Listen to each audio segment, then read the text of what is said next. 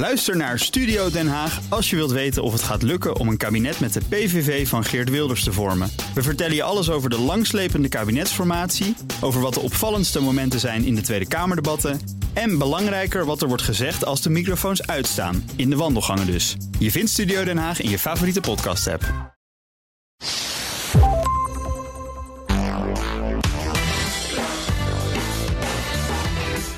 Welkom bij de Ben Tichelaar podcast bij BNR. De podcast over persoonlijk leiderschap. Met elke week tips en inzichten van heel inspirerende gasten die je helpen om je verder te ontwikkelen in je werk en de rest van je leven. Mijn naam is Ben Tichelaar en mijn gast in deze aflevering is organisatiepsycholoog Kilian Wawou. Kilian, welkom. Wat leuk dat je er bent. Dankjewel. Ja, uh, we kennen elkaar al een tijdje. Jij bent uh, organisatiepsycholoog. Je werkte ooit bij ABN AMRO op allerlei HR-functies. Ja. Hoe lang heb je dat gedaan? Elf jaar. 11 jaar. En op een gegeven moment ben je gepromoveerd op een, uh, uh, ja, een onderzoek naar beloningsvraagstukken. Beloningsvraagstukken bij banken. Dan heb je ook besloten om weg te gaan met de bank. Ja, uh, de reden daarvoor is los. Mensen maken het toch soms wat groter van dat het eigenlijk is. Maar op het moment dat je iets aan het onderzoeken bent en je legt uit dat wat je zelf doet niet deugt, ja. dan moet je op een gegeven moment een keuze maken. Je kunt niet en meedoen aan bonuscircus en vervolgens s'avonds opschrijven dat dat eigenlijk uh, heel slecht is voor dus de bank. Jouw onderzoek liet zien dat eigenlijk dat hele idee van bonussen, wat natuurlijk bij banken een hele ja. belangrijke functie heeft, of belangrijke functie in ieder geval een belangrijke rol speelt, uh, dat dat voor geen meter uh, werkte. Ja, nou sterker nog, het is een van de redenen geweest waarom ABN AMRO uiteindelijk failliet is gegaan en heel veel andere banken met, met ABN AMRO, omdat er heel veel risico's werden genomen en, en die, die bonussen die, die werkten eigenlijk niet niet, maar ze werkte slecht. Ze werkte slecht. Oké, okay, dus ja. mensen gaan wel dingen doen vanwege bonussen, maar de, maar, niet de, maar de verkeerde dingen, precies. En ze nemen bijvoorbeeld te, meer, te veel risico's. Oké, okay. ja. Je bent tegenwoordig ben je docent uh, Human Resource Management aan de Vrije Universiteit. Ja. Uh, je adviseert over HR. Je doseert ook in allerlei andere landen, heb ik begrepen. Hè? Dat is leuk, je bent veel gevraagd. En uh, je schrijft boeken, zoals bijvoorbeeld Het Nieuwe Belonen en het boek Bonus. Dat kennen we ook. Ja. ja. En binnenkort komt er weer een nieuw boek aan, geloof ik, hè? Klopt, ja. Ik ben nu, het, het, mijn nieuwste boek is klaar. Dat gaat over performance management in een agile omgeving. Uh, omdat belonen kun je eigenlijk niet loszien van beoordelen. He, dus het, het, en dat bleek trouwens bij die banken ook een probleem. Ja. Wat is nou eigenlijk een goede prestatie? Is dat als je heel veel verkoopt? He, dus als ik gewoon uh, zoveel mogelijk hypotheken verkoop, ben ik dan een goede bankier? En het antwoord is eigenlijk nee. En de vraag die ik heb willen beantwoorden is: als ik in een hele wendbare, agile omgeving werk, die Ja. heel, heel snel verandert, hoe, wat moet ik dan doen met dat functioneringsgesprek? Maar goed, dus dat Oké, is, dat oh, daar gaan we het ook over hebben. Dat is interessant. Functioneringsgesprekken. Ja. Ja. hartstikke mooi. En dus boek, het boek gaat dus heten. Uh, uh, uh, performance management in een agile werkomgeving. Oké, nou dan, dan hebben we dat ook alvast even op het netvlies staan. Of in ieder geval op de, je zou kunnen zeggen op, uh, op het trommelvlies moeten. in dit geval dan. Goed, hey, um, we gaan eens eventjes beginnen met een paar vragen om er even een beetje in te komen. Eén vraag die ik aan veel gasten stel die hier komen is: wat is nou iets geweest? En, en, misschien is het wel het verhaal wat je net vertelde, um, waarvan je zegt dat is een inzicht dat heeft toch wel echt in mijn leven of in mijn werk behoorlijk wat teweeggebracht. Dan ben ik echt anders gaan nadenken over mijn werk bijvoorbeeld. Ja. Nou, voor uh, dit boek ben ik op zoek gegaan naar performance management. Dus dat het gesprek van tussen werknemer en werkgever. En waar ik achter kwam is dat in 1965 in de Harvard Business Review stond er een artikel waar iemand zei van ja, het, dat gesprek tussen werknemer en werkgever, daar is de werkgever eigenlijk coach en tegelijkertijd rechter. Dus je oordeelt over iemand en je coacht die persoon. Ja. En toen zei die persoon in 65 al van ja, dat is eigenlijk een hele moeilijke relatie. Dat moet je eigenlijk niet doen. Ja. Uh, en die waarschuwde daar toen al voor. En, en pas nu hebben we eigenlijk bewijs gevonden dat met name die dubbele rol, dat dat niet werkt. Het is interessant en in heel veel bedrijven proberen mensen het wel. We zijn Ja. de, de opleidingen op het gebied van coachend leidinggeven of coachend managen zijn Ja. niet aan te slepen. Ja, en op zich is coaching heel goed. En oordelen moet natuurlijk ook gebeuren. Maar de vraag is of dat in één gesprek moet. Oké, En wat maar kan, echt- kan het wel in één persoon verenigd zijn ook zelfs? Uh, nou, dat moet je dus afvragen. Ja. Uh, en, en de eye-opener, die had ik uh, ongeveer een half jaar geleden. Toen las ik een onderzoek van iemand die is gewoon uh, gaan, gaan timen. Die is gewoon gaan kijken bij die gesprekken. Wat gebeurt er nou in die dynamiek? En die kwam erachter dat zo'n 80, 85 procent van het gesprek is oordeel. En maar een kwart is coaching. Ja. Ja, en, dan, en in de beleving van een medewerker is het vaak nog schever. Um, om allerlei redenen. En, en toen kwam ik tot de conclusie. Ja, waarom zit dat nou bij één persoon? Ja. Moeten we niet een coach hebben aan de ene kant en aan de andere kant iemand die over ons oordeelt? En kan een team zichzelf niet coachen? Of kan het niet een professional zijn? Maar in ieder geval het idee dat het allemaal bij één persoon moet zitten, dat was mijn laatste inzicht. Daar moeten we denk ik misschien vanaf. Ja. Heel interessant. Ja. Als ik even kijk naar jouw werk, ik heb een paar dingen gelezen in de loop van de jaren van jou, dan, dan heb ik altijd de indruk, het, het gaat niet zozeer alleen maar bij jou om geld of die, die bonuscultuur, maar het gaat ook echt om de vraag van hoe kun je mensen helpen om tot betere prestaties te komen. Exact. Ja, en, en dan is natuurlijk geld is maar een middel in veel gevallen, wat vaak Ja. ook niet eens zo goed werkt. Misschien is het leuk om daar eens even weer naar terug te gaan. Je bent bekend geworden toen met het boek Be- Bonus, eh, volgens mij toen gebaseerd ook op je onderzoek. Hè? Ja. ja. Ehm, en, en ja, eigenlijk, eigenlijk nou ja, je kunt het beter zelf vertellen, denk Ja. ik. Anders ga ik het dan proberen samen te vatten. Maar je zegt eigenlijk, die bonus werken vaak de verkeerde kant op. Ja. En, en geld heeft ook maar een hele beperkte functie eigenlijk in werk. Dat moet Ja. je toch even uitleggen, denk ik, voor veel mensen.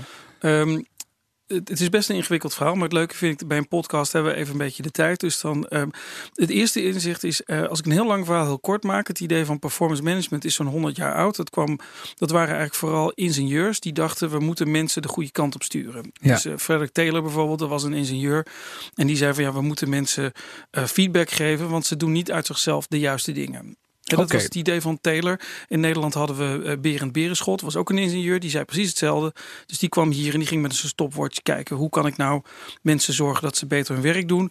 En het idee was dan, geef ze een target. Dus dit is wat je moet doen. En een geldbedrag erbovenop en dan gaan ze het doen. Ja, Dat geldt vandaag de dag nog steeds voor simpel werk. Dus eh, eh, iemand die asperges steekt bijvoorbeeld. eh, jij haalt op een dag 50 kilo van het land, ik 30. Dan mag jij meer verdienen dan ik. oké. Dat is, ja. dat is, en, en dat kan die persoon ook motiveren. Zijn over het algemeen op dit moment vooral mensen uit Oost-Europa. Die komen puur voor het geld. Niet voor persoonlijke ontwikkeling, maar dan werkt het systeem perfect. Oké, en, en is het dan ook belangrijk dat zeg maar, de handeling op zichzelf ook heel simpel is? Dus Ja. dat, dat je niet zeg maar, heel veel eh slimmigheidjes hebt op dat gebied, maar dat Ja. het gewoon één ding is wat je moet doen? Ja, exact. Dus eh, als, het, een, een, als het vrij eh, simpel, goed meetbaar werk is, dan, dan werkt het. Maar als je bijvoorbeeld gaat kijken naar het maken van een podcast, om maar even dicht bij huis te blijven. Ja. Ehm, kun je nou zeggen dat als je daar vandaag eh, eh, vijf had gedaan, of tien, of is dat nou beter? Ben je dan een betere podcastmaker? Ja, Ja, precies. Of, ja. of als jij softwareontwikkelaar bent, eh, ben je nou beter op het moment dat je meer aflevert? Nou, niet Ja. altijd. Leraar is natuurlijk een heel hot op, topic op dit moment, hè, lerarensalaris. Ja. Als jouw kinderen beter scoren, ben je dan een betere leraar? Ja, dat kun je niet zo simpel zeggen. En, en toch gebruiken we dat hele simpele managementmodel vandaag de dag nog steeds. Oké, dus je zegt eigenlijk geld kan best een, eh, een goede functie hebben om mensen Exact. te helpen om tot betere prestaties te komen. Ja. Maar dan moeten het eigenlijk hele simpele handelingen zijn die je dan moet verrichten. Ja. En zodra het wat complexer wordt, dus je bent leraar of wat dan ook, dan is geld, dan moet je andere dingen verzinnen om mensen tot betere prestaties te krijgen. Ja. Zoals Coaching. coaching. Ja. Maar even dicht bij huis, voor bijvoorbeeld het, het opvoeden van kinderen. Als een kind zijn kamer niet wil opruimen, heeft belonen en straffen werkt. Oké. Ik zou zeggen, doe het vooral ook samen. Dat is intrinsiek motiveerd. Maar als dat niet gaat, en sommige kinderen, zoals de mijne, daar gaat het niet altijd. Dan is belonen en straffen het enige wat je nog kan doen om, om het gedrag te veranderen. Oké. Hoewel Ja. jij daar meer vanaf weet dan ik, want ik heb jouw boek ook gelezen. En er zijn ook middelen om het gedrag te veranderen. Maar dat kan onder andere met belonen en straffen. Ja, precies. Ja. Maar als het heel complex is, bijvoorbeeld een kind haalt geen goede cijfers op school. Ja, misschien weet het kind helemaal niet wat, hoe die moet leren. Nee, precies. Ja. En Dus je, je, misschien gaat ervan, je gaat er dus eigenlijk vanuit dat belonen en straffen werkt alleen maar op het moment dat iemand heel goed weet wat hij moet doen. Exact. Ja. Exact. Dus eh, strenger straffen, dat is ook zo'n zo'n discussie, werkt vooral voor simpel gedrag. Ja. Als je ooit in Singapore komt, gooi je kauwgom op de grond, krijg je 1000 euro boete. Nou, dat doe je één keer in je leven, doe je daarna Doe je nooit dan meer. meer. Ik bedoel, je kauwgom niet weggooien is iets wat iedereen wel kan leren. Ja. Precies, dat, je kunt je wel redelijk beheersen. Maar bijvoorbeeld eh, eh, straffen verhogen voor hele ernstige misdrijven.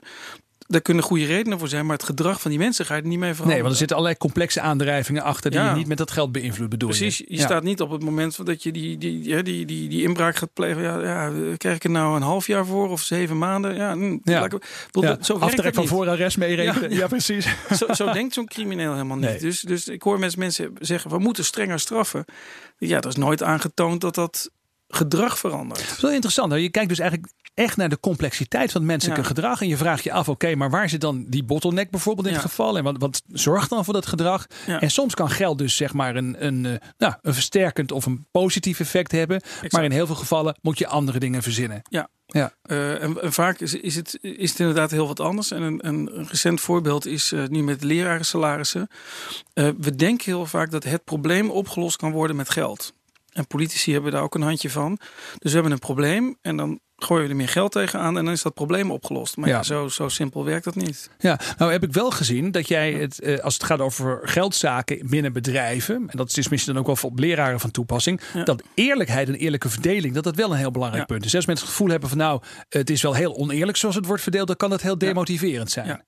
Ja, en dat zie je nu bij leraren. Dus ik, ik heb ook geprobeerd dat heel erg te analyseren als een als, echt als onderzoeker en zonder emotie, eh, die ik heel goed begrijp.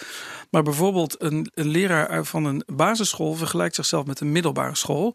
En daar zit een salarisverschil in, wat Ja. je niet kan uitleggen. En dat demotiveert enorm. Nee, want je zou kunnen zeggen dat lesgeven op een basisschool is minstens zo ingewikkeld en moeilijk Exact. dan, eh, en, en belangrijk als lesgeven op een middelbare school. Ja. Klopt, de vooropleiding is ook eh, alle twee voor een deel althans HBO en duurt vier jaar. Ehm, vroeger was het zo dat je meer status had op een middelbare school. Dat was het idee dat je kon doorstromen en daardoor was het een soort per- per- perspectief en dus verdiende je meer op een middelbare school. Nou, dat argument gaat niet meer op. En ehm, het is dus een hele goede demotivator als je het gevoel hebt dat anderen, of, of, of als het ook echt zo is, dat anderen meer verdienen dan jij. Ja, ja. dus zeg maar, de, de leraar op de middelbare school wordt niet extra gemotiveerd omdat hij wat meer krijgt. Maar de leraar op de basisschool wordt wel gedemotiveerd omdat hij ziet dat anderen voor nou ja, vergelijkbaar werk meer krijgen. Ja. Hetzelfde Interessant. Met, met mannen en vrouwen. Hè. Recent onderzoek. eh, in heel Europa vrouwen verdienen voor hetzelfde werk minder dan mannen. Nou, Ja. dat demotiveert natuurlijk enorm. Ja, ook in Nederland nog steeds geloof ik. Ja, ja, verschil van, nou, het is maar hoe je het, hoe je het berekent en welke sector, maar het is toch wel zo'n 10% verschil. Nou, vind ik een, is een hoop geld. Dat is een hoop geld. Ja. Ja. Ja, Hey, ehm, even, even voordat we naar allerlei andere vormen van belonen gaan. Eh, er zijn dus situaties denkbaar waarbij bonussen en eh, extra geld zo in het algemeen nog steeds wel goed werkt. Bijvoorbeeld als mensen het gevoel hebben het is oneerlijk of als het dus om heel eenvoudig werk gaat. Maar ik heb je ook wel eens horen zeggen dat wanneer mensen bijvoorbeeld eh, het geld echt nodig hebben. Dus als we praten over laag betaald werk, dan maakt het er wel echt ook, ook wat uit. Ja. Eh, Je vroeg net één inzicht wat me heeft veranderd. Op het gebied van performance management was dat het onderzoek eh, waaruit blijkt dus dat, dat de rechter en de coach in één persoon een hele lastige combinatie is. Ja. Op het gebied van belonen was de eye-opener het, het onderzoek van Daniel Kahneman. Nou ja, heel goed eh, bekend. Ehm, en die liet zien dat mensen aan, aan de onderkant van de samenleving, voor hun is, heeft, is geld heeft een hele andere waarde dan voor de bovenkant van de samenleving. Beroemd psycholoog, hè, Kahneman. Maar je zegt dus eigenlijk als je, als je echt geld tekort hebt, Ja. dan wordt het ook heel belangrijk voor ja, je. exact. Ehm, dus iemand die eh, eh, van een bijstandsniveau leeft en, en, en er iets bij krijgt, die zal daar veel blijer mee zijn dan een miljonair die er nog een miljoen bij krijgt. Dat is niet, niet met elkaar te vergelijken. Ehm, een ander inzicht wat ik, eh, wat ik zelf heb gehad, is dat ik merk dat voor jongeren. Eh, dit eh, toch eh, die curves aan het verschuiven zijn, dus die, die waarde, de waarde van geld, omdat de huizenmarkt zo op slot zit. Oké. Dus voor, je- je- je- Voor, starters, voor starters op de arbeidsmarkt is zeg maar Ja. genoeg geld kunnen hebben om Ja. maar gewoon een huis te kunnen kopen of te Ja. kunnen huren. Dat, dat is nu op een gegeven moment de nieuwe norm eigenlijk, zou je kunnen zeggen. En we zitten hier voor het opnemen van deze podcast in Amsterdam. En hier vlak om de hoek woont iemand die je kent. Die is eind 20. Eh, die is zelf. eh, ehm, ze verdienen samen drie keer modaal. En ze kunnen in een modaal huis kunnen ze net betalen. In Amsterdam. En dat is een huis van, eh, van vier ton. Dus je hebt twee mensen Tja. die dus een, geen kinderen, die dus fulltime werken en- en, goed betaalde banen hebben. En dan met geld van ouders, dan is het mogelijk om een huis te kopen van 60 vierkante meter. Ja. ja, dan is die norm, zeg maar, dan is die drempel wel heel erg hoog geworden. Ja. En, en daar komt nog bij dat de generatie daarna, dus de generatie die nu gaat studeren, de mensen die eh, afstuderen op de VU, eh, mijn laatste lichting had tussen de 30 en 60.000 euro schuld. ja, dan wordt het helemaal lastig om nog wat te kunnen lenen. Nou, ja. wordt, wordt gewoon onmogelijk. ja. Ja. Het wordt gewoon dus. Ja, dus eigenlijk zou je kunnen zeggen, de definitie van wat armoede is, is dan gewoon aan het, vers- aan het verschuiven ook. Ja. Je, bent, je bent gewoon eigenlijk, eh, ook al verdien je drie keer modaal, te arm om in Amsterdam een, een huis te kunnen bewonen. Ja. En om weer terug te komen op die leraren. Ik denk dat een deel van het verhaal van leraren is dus eigenlijk een woningmarktprobleem. Dus de leraar, hier is een vraag, hier Amsterdam, Randstad, daar is een vraag naar leraren. Ja. Voor een deel zijn ze er ook in andere delen van het land, maar ze kunnen hier niet naartoe, want er zijn geen woningen. Nee. Dus, eh, en dat valt me elke keer op bij die beloningsvraagstukken. Het is heel complex. En, en dus denken we dat het alleen maar geld is. Maar dat zou betekenen dat je eigenlijk jonge leraren iets extra's moet geven. Maar vrienden van mij die al lang een huis hebben. Ja, ik gun ik gun ze alles, hè. begrijp me niet verkeerd. Maar dat wil niet zeggen dat zij ook meer moeten gaan verdienen. Ja, het is heel interessant wat je daar zegt. Dus je moet eigenlijk ook gewoon kijken naar, naar eh, eh, eh, het, het, ja, het huishoudplaatje, zou je kunnen Ja. zeggen, van, van een jonge leraar. Ja. En dan daar de beloning om afstemmen. Omdat je weet dat als mensen eh, die het echt, nou ja, in verhouding dan arm hebben, hè, om maar even dat woord nog even te gebruiken, die hebben dus ook echt baat bij dat extra geld. Ja. Zeg, en ehm, het nieuwe belonen. Daar ben je ook bekend van. Hè? Dus jij vindt dat het moet op een andere manier moet er worden beloond. Dus we hebben nou net al vastgesteld dat geld alleen, uh, nou ja, maakt niet gelukkig, maar geld alleen leidt ook niet tot performance, zou je kunnen zeggen. En uh, je hebt ook kritiek eigenlijk op die traditionele performance cyclus, waarbij de manager vaak coach en rechter in één is. Dan is de vraag, hoe dan wel? Want ik wil wel, natuurlijk graag dat de prestaties in mijn bedrijf de goede kant uit gaan. Ja, uh, ik heb ook een paar, uh, voor mijn nieuwe boek, een aantal uh, organisaties bestudeerd die het anders doen. wat ik heel leuk vind, vind ik toch wel aardig om te melden, is dat ABN AMRO, het bedrijf waar ik zelf gewerkt heb en zei, dit klopt niet. Negen jaar later, dat was ongeveer anderhalf jaar geleden, ehm, is het echt helemaal op de schop gegooid. Dus ook zij okay. hebben het afgeschaft, een bonus afgeschaft, moet ik ze toch nageven. Hetzelfde geldt voor ING. Even tussen, tussendoor, hebben ze jou nog wel eens teruggevraagd om advies te geven op dit punt? Nee, dat is ongeveer de enige bank die dat niet gedaan heeft. Ook dat is wel opmerkelijk. Ja. Uh, ja, maar op zich het hele idee wat ik toen uh, ooit heb uitgewerkt, dat is inmiddels ingevoerd en daar ben ik eigenlijk al heel blij mee. Dat is dus ook wel mooi. Maar het is wel een beetje flauw dat ze jou dan niet de credit voor geven. Uh, het, is, nou, ik heb, ik heb no hard feelings, dat ik zo zeggen. Maar goed, ABN AMRO heeft het dus op de ja, Randstad, veranderd. Randstad. Achmea heeft dat gedaan. Deloitte, die zijn eigenlijk mee begonnen. Dus een groot adviesbureau. die zijn eigenlijk begonnen met het veranderen van hun hele performance cyclus. Interessant, ja. ja. En op wat voor manier? Nou, wat, wat je ziet is dat dan um, variabele beloning, als ze dat nog willen, veel meer collectief wordt. Omdat okay. uh, prestatie van een professional is bijna nooit een, een, individuele prestatie en altijd van een groep. Ja. Um, dus dat het wat meer collectief is en dat uh, aan de andere kant er veel meer coaching is door de teams zelf. Oké. Okay. Het gedachte van agile voor de mensen die daarin geïnteresseerd zijn, dat is met name ook dat je lager in de organisatie verantwoordelijkheden neerlegt. En dat kan met coaching eigenlijk ook prima. Ja, dus dat mensen elkaar gaan coachen, omdat je weet ja. dat je daar ook gezamenlijk belang bij ja. hebt als je collectief een goede prestatie neerzet. Ja. ja. Kijk, jij, Interessant. jij en ik zouden geen baas nodig hebben om uh, elkaar na deze podcast feedback te geven. Wat jij eigenlijk van mijn verhaal vond en wat ik eigenlijk van deze podcast vond. Nee, en dan ben je al aan het coachen eigenlijk. Ben je al aan het coachen. Het ja. leuke is, wel even een anekdote. Ik, ik probeer dat ook in de praktijk toe te passen. Dus ik, um, een van de dingen die ik in, in mijn boek beschrijf is restaurantfeedback. Oké. Okay. Dat, dat, ken je misschien wel. Of heeft het gesmaakt? Ja, was lekker. Terwijl je mening veel uh, complexer is dan dat je het lekker vond. Sterker nog, je liegt gewoon. Ja, precies. En dan ga je naar huis en dan ga je een hele recensie lopen Exact. exact. En dan ga je bij eens ga je dan opschrijven wat je er echt van vond. Dus ik ja. ben er eens mee begonnen door als dan een restaurant en me vraagt, nou, wat vond u ervan? Ik zeg, nou, heb je even tijd? Dan gaan we gewoon de hele, ja. zoals dat heet, customer experience. Dan gaan we hem even doornemen. Ik kwam binnen, ik kreeg de kaart, ik moest zo lang wachten. Uh, uh. Werd dat gewaardeerd? nee. nee. Nee. Nee, dat is wel heel erg interessant. Dus dat er eigenlijk geen mensen op zitten wachten. Nou ja, Terwijl, tenminste niet op dat moment waarschijnlijk. Nee, maar, ja. maar als je een echt, even denk even met me mee. Als je echt een goed restaurant wil zijn, dan zou je toch zeggen van ik wil uh, een aantal gasten per dag ja. die gewoon echt vertellen wat ze denken. Ja. En er zijn aardige voorbeelden van wat ze dan noemen uh, radicale transparantie. Dus bedrijven die zeggen nee, we, we willen gewoon dat mensen eerlijk zeggen wat ze echt denken. Ja. En ik zeg altijd tegen. Als dat, ik kan, dat kan trouwens wel echt heel confronterend ook zijn, kan natuurlijk. Het ook, ja. Kan het ook. Maar uh, ik zeg altijd tegen mensen: van wat je s'avonds tegen je partner zegt, zeg dat nou eens tegen die persoon zelf, maar dan opbouwend. Ja. Dat is feedback. Oké, okay, maar dat, nou, dat, is mooi. Dus heel eerlijk, maar wel opbouwend. Ja, ja heel en, transparant. Waar ik echt wat aan zou hebben, is als jij, uh, je hebt nu dat ik mijn verhaal gehoord en dat je, als die podcast voorbij is, dat je zegt, nou, Kieran, uh, dit is wat ik van je verhaal vond. En eigenlijk moet ik aan je vragen, wat zou er nog beter kunnen? Ja, nou ja, even tussendoor. Ik vind het tot nu toe in ieder geval een heel interessant verhaal. Ja. Maar ik ben natuurlijk ook wel benieuwd, hoe ga je dat dan toepassen in een ja. organisatie? Wat ga je dan doen? Dan ben ik ABN AMRO of ik ben een andere grote organisatie. En uh, de traditionele performance cyclus, de, de jaarlijkse evaluatiegesprekken of beoordelingsgesprekken. Daar moet ik dan misschien of mee stoppen of ja. moet ik ze anders inrichten? Hoe, hoe, ga ik het dan doen? Ja, nou, de eerste vraag is, um, of de belangrijkste conclusie die ik heb getrokken, want ik heb een paar van die trajecten gedaan. Als het management het niet wil, dan moet je het niet doen.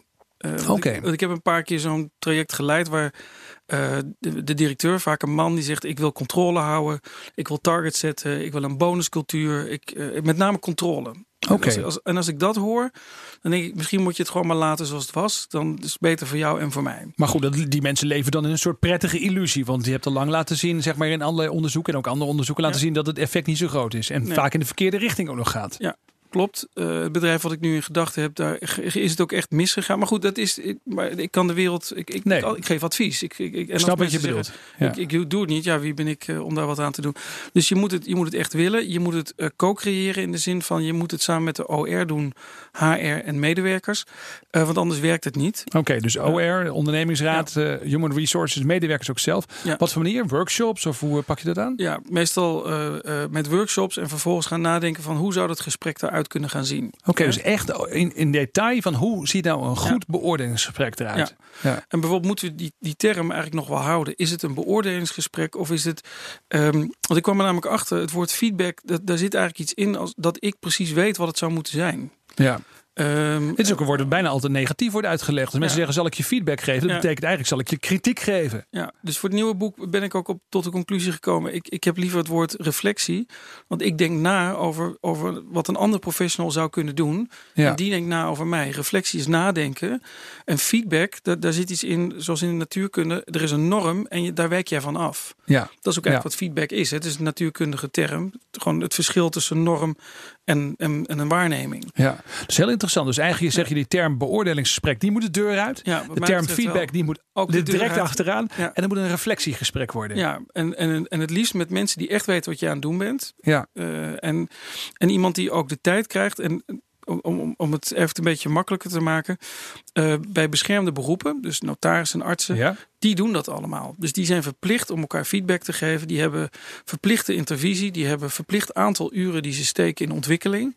Ja. Um, en dat is eigenlijk een heel goed model om in te voeren. Dat is grappig, hè? Dus eigenlijk, het bestaat al ergens, alleen hebben we dat uh, misschien nog niet uh, goed genoeg gezien in veel branches. Ja, uh, en er zit nog een, een, een, een laatste onderdeel in, en dat is die rechter. Is dat als je als arts, notaris of, of, advocaat, als je over de rode streep gaat, dan is er een apart proces om te kijken of jij je beroep nog mag uitoefenen. Ja.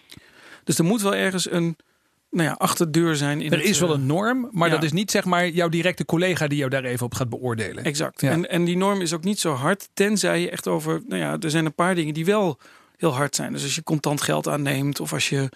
Nou goed, er zijn een aantal regels in, in beroepen die uh, fraude... Dat kennen we van de mensen die in de krant komen uiteindelijk. Exact, Ja, precies. Ja. Uh, en die zijn over een bepaalde lijn gegaan. Maar had ik dat medicijn moeten voorschrijven, ja of nee? Dat is reflectie. Dat zijn twee professionals die met elkaar aan de slag gaan van hoe zou jij dat nou gedaan hebben? Dat is een hele andere manier van met elkaar praten dan ik ga jou eens even feedback geven. Ja, precies. En, en wat je nou net beschrijft, zo'n reflectiegesprek, dat kan ik me voorstellen, daar word je beter van. Aantoonbaar beter. Dus er is ook heel veel onderzoek naar coaching. Dat het ook echt een positieve impact kan hebben ja. uh, op, op gedrag. En dat is eigenlijk wat je wil. Dus nou, ik, jou, ik heb het boek De Ladder gelezen. Dus ik, ik weet, uh, je hebt er zelf ook heel veel over geschreven. Je kunt gedrag van mensen veranderen. Als je daar de, genoeg steun voor krijgt van de juiste mensen. Ja, maar goed, heel erg leuk. Want jij, jij vertaalt het echt weer terug naar heel concrete situaties. In de sfeer van nou ja, beoordelen, belonen. Wat ik dan wel interessant vind, er zijn best wel veel bedrijven. Dat is op dit moment erg hip. Die hebben dan in plaats van het beoordelingsgesprek hebben ze het goede gesprek. Het goede oh gesprek. Ja. Ehm, maar naar, naar wat ik er dan van heb waargenomen tot nu toe, is het ook wel vaak dan heel vrijblijvend opeens. Hè? Dus hoe kan je nou wat jij beschrijft, uh, zeg maar, toch gestructureerd zo doen zonder dat het vrijblijvend wordt? Ja. Ik, ben, ik kan alleen maar even een voorbeeld geven van organisaties die ik zelf gezien heb, die iets interessants hadden, die ik ook voor het boek heb uh, uh, geïnterviewd. Um, zijn bijvoorbeeld organisaties die een aantal uren per jaar verplicht stellen in het geven van reflectie. Oké. Dus bijvoorbeeld een week per jaar, dat is 40 uh, uur, waarvan 20 voor mezelf en 10 en 20 voor collega's. Dus hm. ik ga nou, bijvoorbeeld op de VU. Ik heb laatst twee uur bij een college van een collega gezeten. En die geef ik dan feedback. Ja. Dus twee uur zitten, één uur feedback. Dus als drie uur mag ik dan schrijven van ik heb toen feedback gegeven. Ja, precies. Er staan ook gewoon uren voor. Dat is ook wel weer heel handig. Hè? Want als je tegen mensen zegt, ja, er staan geen uren voor. Dan is het in veel organisaties toch lastig. Ja. dan doen ze het niet. Uh, terwijl, en, en dat, dat is eigenlijk de cruciale vraag die erachter zit. Is uh, professionals willen zich heel graag professioneel ontwikkelen. Dus dat is eigenlijk als je een goede werkgever wil zijn, moet je niet meer willen betalen. Je moet wel goed betalen, maar niet, dat is niet je selling point of je, je, nou ja, wat je uniek maakt. Maar zorg voor ontwikkeling. Dat willen ze ook heel graag. Niet alleen jong, ook oud. Mensen willen zich ontwikkelen. En hoe ontwikkel je dat anderen die verstand hebben van jouw vak jou daarbij helpen? Ja, ja heel interessant. Ja, heel boeiend. Geweldig. Nou, ja. dankjewel. Uh, we gaan eens eventjes uh, naar een paar andere vragen die ik heb aan alle gasten hier. Dat zijn, dat zijn toch wel een beetje ja, uh, wat verrassende vragen soms ook. Okay. Gaan we ook eens naar kijken. Eén ehm, vraag, um, die komt uit een envelop. Eh, ik heb 15 genummerde enveloppen hier. En één daarvan eh, kun je kiezen, dus door een nummer te noemen. Dus de vraag is, eh, welk nummer ga je kiezen, eh, Kilian? Eh, even kijken, nummer 9. Nummer 9. Oké, ga ik eens even kijken wat nummer 9 precies is. Ja. Ja, dat is wel een mooie. Ehm, van welke keuze in je loopbaan heb je spijt? Heb jij spijt van een keuze die je hebt gemaakt in je loopbaan of niet? Toen bleef het even stil. Had je niet bij de bank moeten gaan werken? Of nee, had je... nee, zeker niet. Nee, heb ik heel veel, heb ik heel erg naar mijn zin gehad. Nee, Ja, ik heb, ik heb geen. Nee, niet iets waar ik heel veel spijt van heb. Nee, ik Nee, heb interessant. En sommige mensen zeggen wel eens als je dan op een gegeven moment de keuze maakt om zeg maar bijvoorbeeld van, van, van eh, nou ja, de commerciële sector naar bijvoorbeeld het onderwijs te gaan, zoals je hebt gedaan, dan zeggen mensen had ik veel eerder moeten doen of zo, maar dat is bij jou niet het geval. Nee. Oké, nou, dat kan ook heb, heel mooi ik heb zijn. heel veel fouten in mijn leven gemaakt. En, en ook professionele dingen waarvan ik. Gewoon eh, projecten die ik niet goed heb gedaan of zo. Maar niet een, een keuze van dit had ik niet moeten doen. Nee. Ja, ja, positief. Mooi om dat te horen. Hey, en dan gaan we naar de allerlaatste vraag. Dat is jouw mediatip. Wat is nou iets waarvan je zegt dat moeten we eh, kijken, luisteren, lezen? Iets waarvan je zegt dat is inspirerend. Bijvoorbeeld op het gebied van belonen, maar misschien ook wel op een heel ander terrein. Ehm, wat ik zelf eh, het- meeste indruk op mij heeft gemaakt voor, voor, ook voor dit boek. Dus naast dus dat die rechter en die coach. Maar dat is, niet, dat is zo'n klein artikel. Dat, dat is niet makkelijk te vinden en ook niet makkelijk leesbaar. Ehm, het werk van Theresa Amabile, Ja. eh, jou bekend. Ehm, dat vond ik ook een eye-opener. En zij zegt van mensen zijn op zoek naar groei. Hè, dus ze willen niet erkenning voor werk. Het het een schouderklopje. Veel managers denken dat. Hè, ik moet de hele dag schouderklopjes geven. Mensen willen groei. Feedback hoort bij, of reflectie. En groei hoort bij elkaar. Dus als ik iets mag aanraden. Ze is niet een groot spreker. Dat het echt een heel leuk filmpje is. Maar de, de Ja. TEDx talk van, van eh, Theresa Amabile. Dat ze uitlegt dat, dat het gaat om groei. Vind ik echt een, echt een tip. Ja, en haar Ja. boek, The Progress Principle, is dat Ja. ook een goed boek dan om Ja. te lezen? Of, ja, eh? zeker. Oké, interessant. Leuk dat je haar noemt inderdaad. Het is eh, ja, een hele andere manier eigenlijk van kijken naar wat mensen motiveert. En ik vond het ook een enorme eye-opener destijds. Ja. Ja, Het, gaat, het gaat uiteindelijk om professionele groei. En, en, en ook als je dus kijkt naar beoordelen en belonen. Als je dat doet vanuit de gedachte van uiteindelijk willen mensen groeien. Dan moet dat gesprek dus ook heel anders ingekleed worden dan je krijgt een vier of een drie of een goed of een zeer goed. Nee, mensen willen groeien. ja. Ja. Heb je nog een tip voor me? Dat is, dat is groeien. Dat is waar het Maar- over gaat. Maar niet je hebt een Ja. drie of een twee. Dat, dat zegt me En dan is dan eens één keer per jaar, zeg maar. En dan heel snel achter elkaar, allemaal in december, even die gesprekken Ja. erdoor jassen. Is dat ook totale waanzin, of niet? Ja, En, en vul zelf dat ding maar in. En je bent een vier, maar ja, ik had je een vier willen, eigenlijk een vijf willen geven. Want dat mocht niet van HR en zo. Flauwekul. Stop ermee alsjeblieft. En, en ga nou eens eh, professioneel met elkaar in gesprek. ja. Heel waardevol, dankjewel. Ik vind het ook heel mooi dat het op onderzoek gebaseerd is. Hè. Het is niet iets uit de lucht gegrepen. Dit is iets wat je zelf echt eh, van voor tot achter hebt eh, meegemaakt, maar ook Ja. hebt onderzocht. Ontzettend mooi, dankjewel. Graag gedaan. Dit was de Ben Tichelaar podcast bij BNR met als gast Kilian Wawoe. Vond je dit interessant? Check dan ook mijn andere podcasts op www.bnr.nl slash Tichelaar.